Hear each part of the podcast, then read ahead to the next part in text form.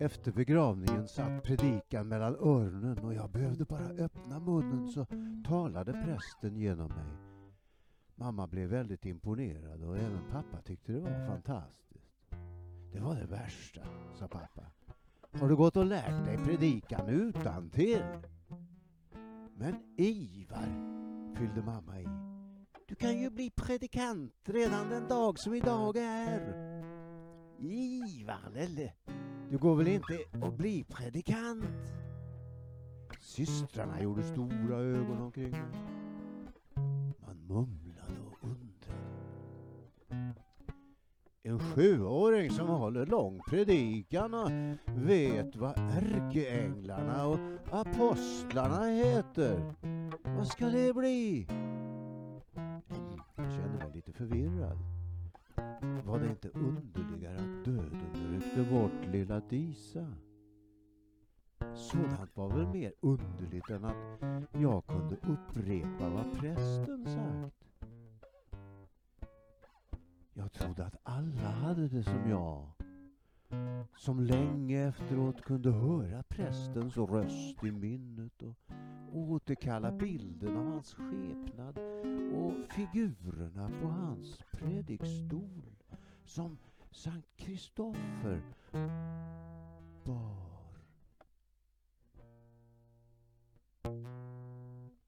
Med sin lejonstyrka mitt i mitt eget huvud. Det var lika naturligt för mig att tydligt se mina minnen som att klä på mig kläderna eller tugga maten. Det dröjde inte länge innan jag började förstå varför det blev sån uppståndelse. Min barndoms naivitet försvann lika fort som lilla Disa. Kanske var det därför jag kom att verka ganska blyg. Jag kom att skämmas lite över min minnesförmåga. Den kunde vara lite som ett lyte som jag försökte dölja. Jag försökte att minnas ljudet av skridskor nere på Slottsfjärden. Fladdret från Pin-Olles vimplar kring byttan eller ljudet ur gummislangarna på Kalmars första fonograf under en förevisning i Frimurarlogens hotell. Jag försökte med ljudet av viskningar i Vasaslottet. Jag försökte minnas synen av vackra blommor och ansikten om våren. Jag var försiktig med mina minnen. Som minnet av min lilla syster. Och försökte släcka ut en del av dem med andra. Med tiden förstod jag att det var en sällsynt gåva jag utrustats med och att den gick att använda till mycket. Jag fick genom denna min specialbegåvning det mycket lätt för mig i skolan. Med mina stora systrars högläsning i bakhuvudet och mina egna inre bilder av boksidor, tabeller och ritningar alltid åtkomliga i minnet var skolarbetet aldrig något problem. Mitt enda problem lite högre upp i skolsystemet var att mina klasskamrater allt för ofta ville att jag skulle visa dem vad jag hade åstadkommit när vi hade skriftliga förhör och tentor. Därvidlag tvingades jag utveckla mitt sinne för diplomati. Jag ville inte åka fast för fusk bara för att jag inte hade hjärta att neka dem hjälp. En av de mer bekväma lösningarna på detta mitt dilemma var att snabbt bli färdig med skrivningarna, lämna in och gå. Jag tog oftast till den metoden och gjorde mig färdig med uppgifterna utan att se mig omkring. Jag reste mig så ljudlöst som möjligt och smög fram till skrivningsvakten innan de andra hade lagt märke till mig. Och med en bugning så lämnade jag papperna och salen och försvann ut i Kalmars eftermiddagsvärld av vuxen vardag och fest. Jag gick nästan alltid först. Om det inte var en skrivning i historia, då ville jag ge uttömmande svar och skrev uppåt en 12-15 sidor ganska tätt skriven text. Det kunde ta lite tid och det var också då jag till sist måste uppfånga propåerna från de som satt omkring mig och förtvivlade. Och jag kunde forma några uppenbara svar med läpparna som var lätt avläsbara eftersom min solidaritet med kamraterna var stark lät jag dem få veta vad de själva inte visste. Det var rätt kul att se vilken frenesi deras skrivande fick när de plötsligt förstod. En annan, mer långsiktig lösning var att jag organiserade grupparbeten för att göra hemläxorna. De eh, som jobbade bäst med franska stilarna gjorde det och de andra fick sen läsa dem och så skriva sina. Och de som jobbade bäst med matten och räknade först och de andra fick sen se lösningarna.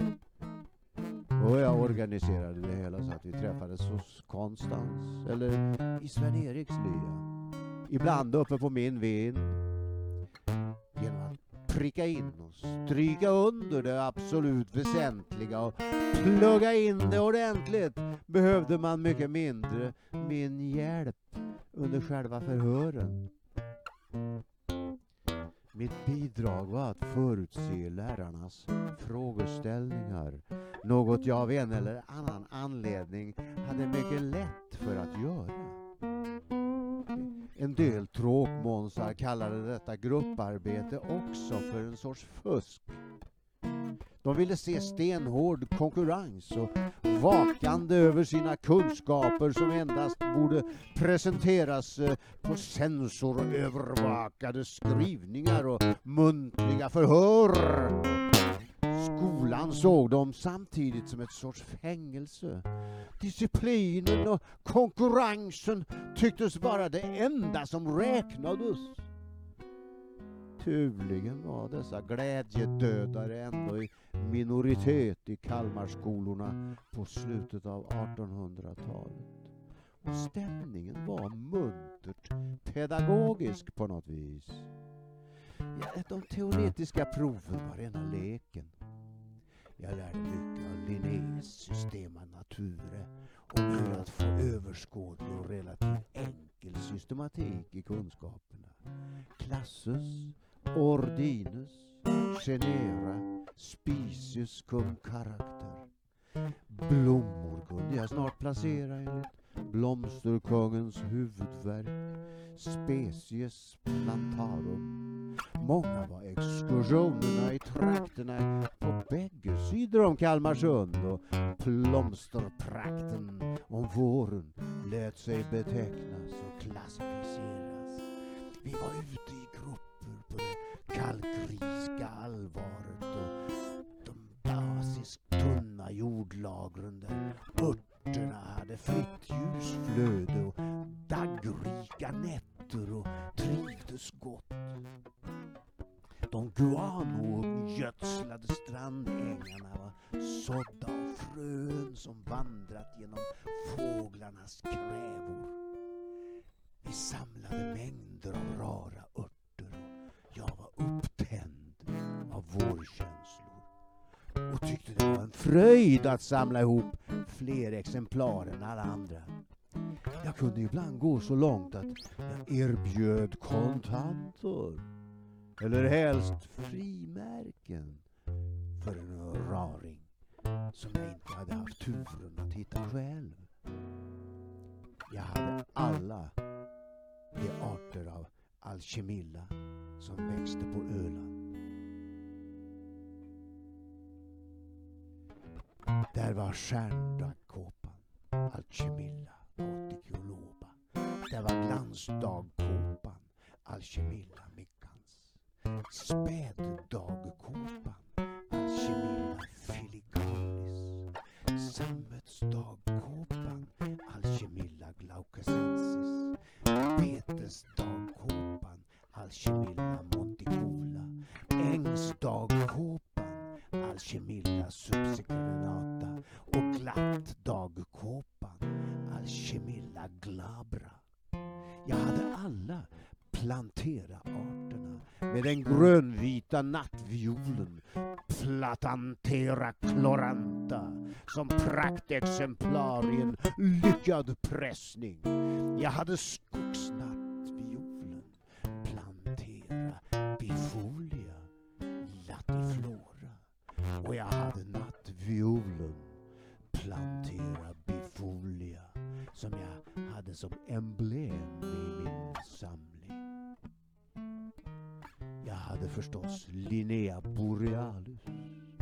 som på engelska kallades för Twin Flower.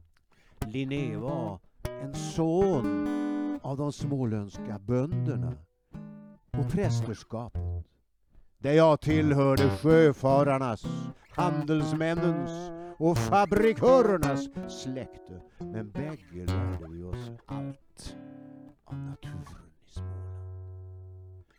Botanik var det mest spännande jag visste. Även historia intresserade mig stort. Och under de historiska lektionerna var jag lika fängslad av diplomati och handel som av de stora kungarnas krigiska framfart. Jag kunde när som helst höra magister Bärents stämma bära fram historiska epoker och notabiliteter. Kalmarkriget exempelvis lade staden i ruiner. Karl X Gustav lät slutligen riva alltihop och flyttade hela staden till den mer lättförsvarade Kvarnholmen där det gamla anrika Kalmar, tungt och byggt av sten, en gång låg kom så småningom trädgårdarna att blomma. Allt förändrar studerade de klassiska epokerna och vi kom snart fram till att Napoleon strävade efter att bli en krönt Washington. En skapande kraft. Men i själva verket blev han en allt mer ensam och destruktiv despot. Men en sak hade Napoleon som få despoter haft tolerans. Han utfärdade sällan dödsstraff utan förlät det som svek. Ingenting blir som man tror. Gustav Vasa, vars borg var Kalmars mest påtagliga byggnation och bästa lekplats, var lika brutal orolig som han var bildad och erfaren. Han utfärdade med sammanbiten förstlighet en lång rad dödsstraff. Lät rusta upp militärmakten och hade hjälp av generalerna Björnram och Vinge och stormfåglarna på Östersjön för att komma sig vidare mot sin stormakt. Kanske satt han i något av dessa tornrum med gruvligt handverk och funderade på hur att öka den aktiva handeln, hur att få folket att bygga stenhus istället för trähus, för att öka brandsäkerheten, hur att utveckla gaturenhållningen, hur att sko en häst och hur att få Falu silver att täppa till Berent von Melens käft. Han hade ett övernaturligt gott minne. För han hade hört en gång eller två. Det kunde han sedan aldrig förglömma vad han än en gång eller två hade färdats fram och vistats eh, där många i bygden, då villades honom ingen väg, visste och inte allenast namnet på byarna utan också på bönderna till med som på den tid han hade bott där, då han färdades fram om i sin ungdom berättar systersonen Per Brahe. Gustav Vasas son, prins Erik, Erik den fjortonde, ärvde den mest renässansartade oron. Var den som spenderade lejonparten av eh, Falus silver under sitt nordiska krig enligt den gamla manualen förvärva, ärva och fördärva. Kungarnas mer eller mindre lyckosamma bravader synades med magisterns muntra hjälp. Vi förlorade oss inte i H.C. Andersens groteska världar. Men väl i Kristian den syvendes en kraft, praktfull galning som överlät sin makt gradvis till sin tyske livläkare Struense som inspirerad av kungen kom att införa total och gudsförnekande liberalism för första gången i Skandinavien. Kungen överlät också drottningen till Struense. Hasardspel tilläts i illuminerade tält i Rosenborgs hav. Danska, italienska och franska skådespel sattes upp. Man arrangerade spelkapplöpningar, maskerader och baler. Adeln och prästerskapet rasade och menade att sedeslösheten var total. Det gick helt enkelt inte an. Hemligen anförda av arvprinsen Fredrik och änkedrottningen Julian Marie gjorde Ove Guldberg och en rad nationellt uppeldade danskar statskupp och skilde drottningen Caroline Mathilde, den engelska prinsessan, från kungen och avrättade Struense som hunnit införa total tryckfrihet och avskaffat all censur. Hans tyska metodiskhet var effektiv när det gällde att med franska förtecken montera ner det gamla danska stofilväldet och avskeda mängder av äldre ämbetsmän. Men liberaliseringen hade gått för långt och för fort nytillträdige nytillträdde geheimsminister Guldberg återställde snart den gamla danska ordningen genom att först hugga av Struenses hand och sedan hans huvud. Efter den behandlingen blev de danska nationalisterna övermodiga Finansminister Grev Schimmelmann gjorde misstaget att expropriera en privat bank och göra den till kunglig bank och frestades därvid att trycka för mycket sedlar utan att ha silver eller egendomar nog för att säkra värdet. Den danska ekonomin råkade därför mot slutet av 1700-talet i djup kris trots att man drev framgångsrik handel med såväl Ostasien som Karibien och hämtade hem stora kvantiteter silver från Kongsberggruvorna. Kristian den syvende själv visste väl knappast ut eller in och inte ens hans syster Sofie Magdalene som var drottning i Sverige och förmäld med kung Gustav III uppe i Stockholm fick honom att lyssna på vad som timade i världen. Han levde som självbefläckare i total avskurenhet från sitt folk och sin tid och sin drottning som han trots sitt politiska, liberala sätt behandlade med österländsk grymhet efter att hon vid endast en enda tillfälle lyckas lura av honom tillräckligt med arvsmassa för att säkra tronföljden. Om det inte var Struense som stod för den arvsmassan. Det utbröt fullt kaos i Skandinavien när Kristian den syvende gick till slut och dog och Gustav IIIs efterträdare på Sveriges tron, Napoleonhataren Gustav IV, samtidigt avsatts.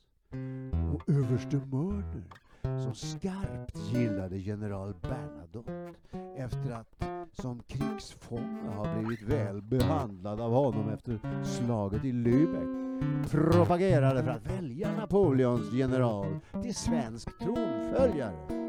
Något han och hans allierade också lyckades med. Det rådde mycket osäkra maktförhållanden och oheliga allianser hade uppstått mellan Ryssland och Sverige. Den nyvalde svenska kungen slog överraskande till mot Danmark utan att konsultera sina allierade.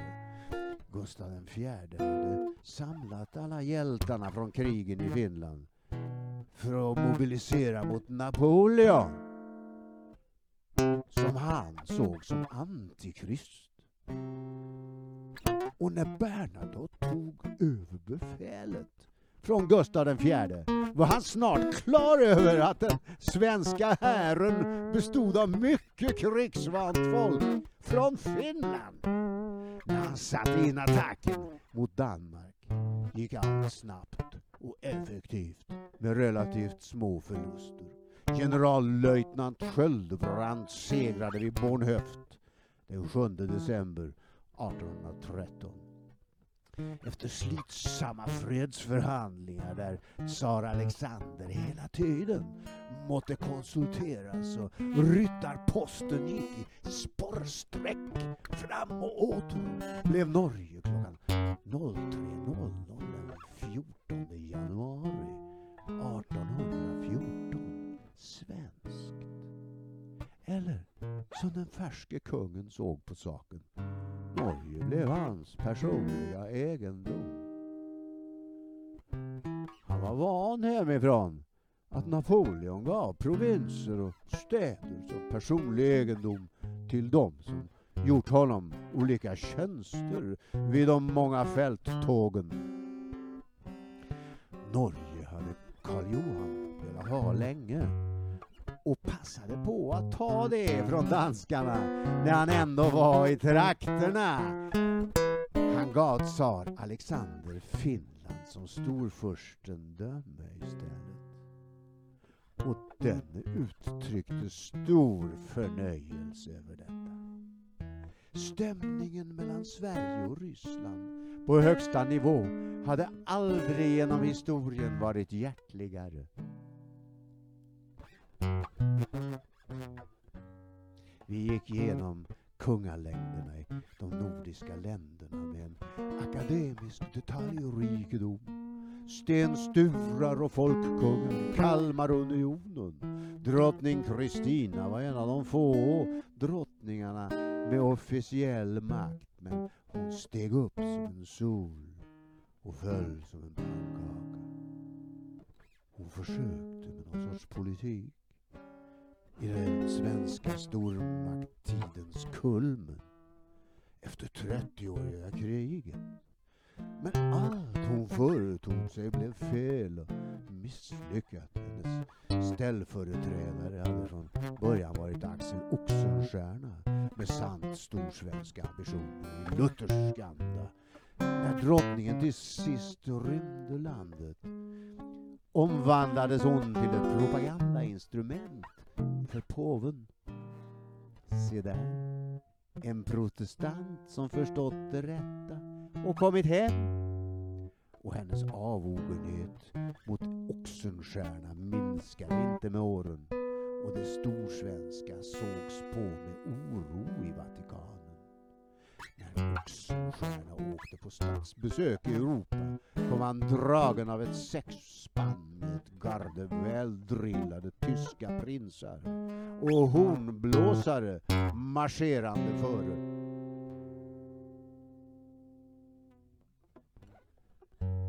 Efter och vid sidan.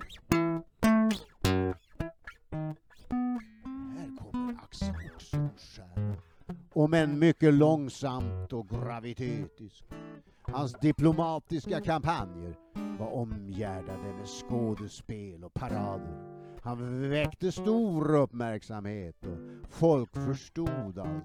Detta var ingen vem som helst. Oxenstiernas säkerhetstänkande var välutvecklat och han anställde eliten av eliten. Han visade att svenskarna hade resurser att hålla dessa respektingivande prinsar med de bästa vapen. Det var också allmänt fördelaktigt för en diplomatisk kampanj att aktivera folkmassor omkring sig och från botten upp sprida kunskap om den svenska stormaktsmissionen. Därav all luthersk pompa och ståt. Det var en barockfurste av dignitet som kom inrullande på de europeiska borggårdarna.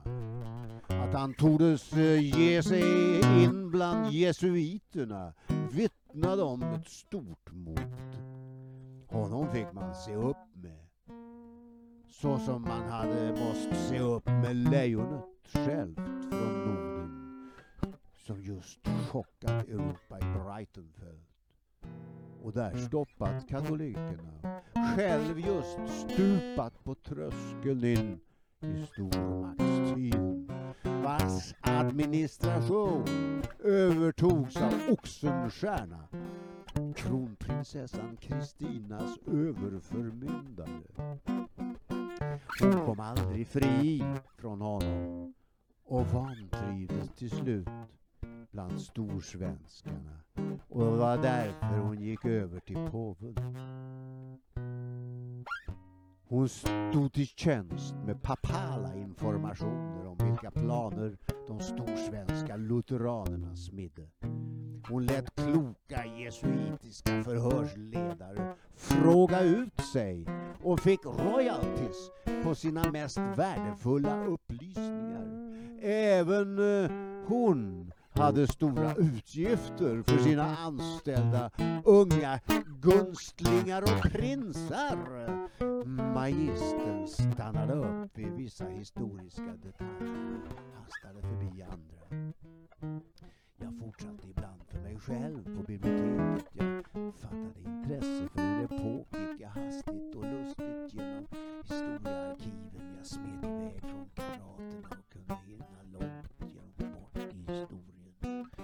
Alexander och Hannibal, skräckinjagande snabba, som drivna av okända krafter och mängder av böcker behandlade deras bragder i grym detalj.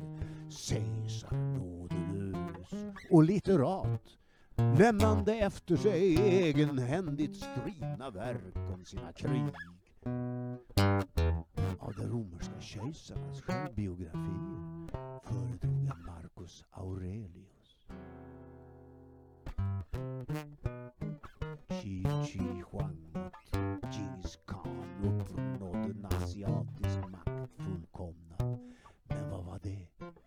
Att ha uppnått ryktet? Att ha bränt allt? Böcker och städer? Jag tycker mig genom sådana exempel och via den i svensk undervisning ofta citerade poeten Esaias Tegnér tidigt förstå varför man måste sträva efter lugn och ro, åtminstone där handelsplatsen låg, för att inte världen skulle stupa in i barbari.